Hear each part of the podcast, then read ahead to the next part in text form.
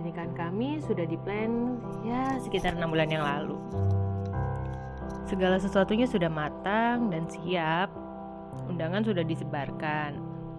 Tapi dua minggu sebelum hari H, hampir setiap hari deh perasaan aku cemas karena pandemik ini. Setiap dua hari sekali ada aja kabar yang aku terima mulai dari pertimbangan ngadain acara pernikahan di tanggal yang sama, sampai akhirnya keluarga memutuskan untuk memindahkan acara akad nikah ke rumah dan menunda acara resepsi. Dalam seminggu terakhir perasaan gue itu campur aduk. Sedih, stres, nervous, excited. Semuanya jadi satu.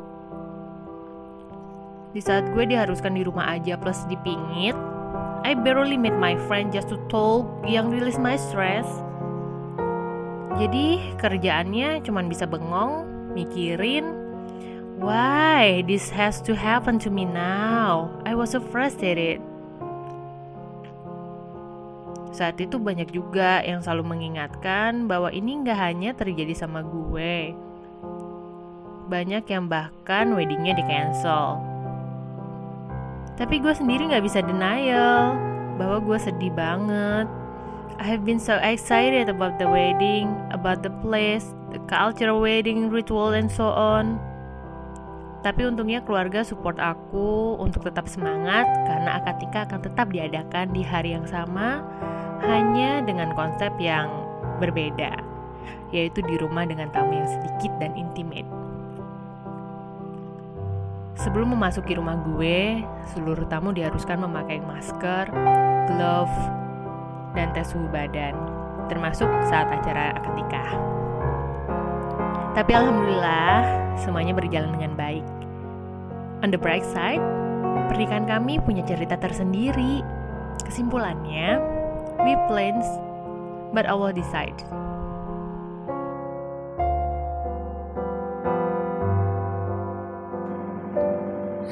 Mengalami pemutusan hubungan kerja di tengah masa pandemi COVID-19.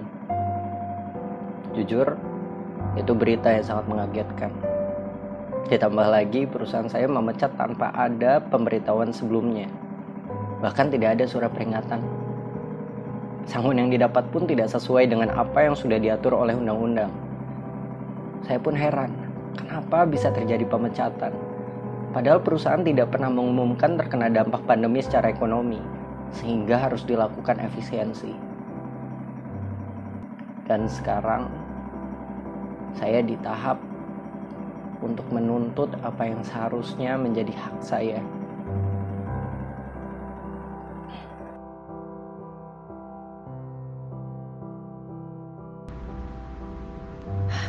I'm still being forced to work in the office even though I have all the resources to work from home.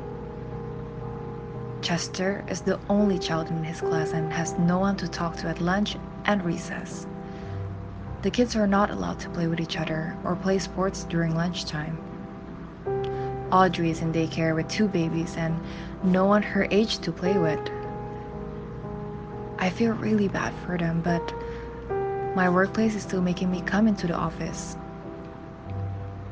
60% of my work has been cut because I'm in marketing and marketing has been pulled until further notice. A very confusing time, making mom guilt even stronger now as a working mom.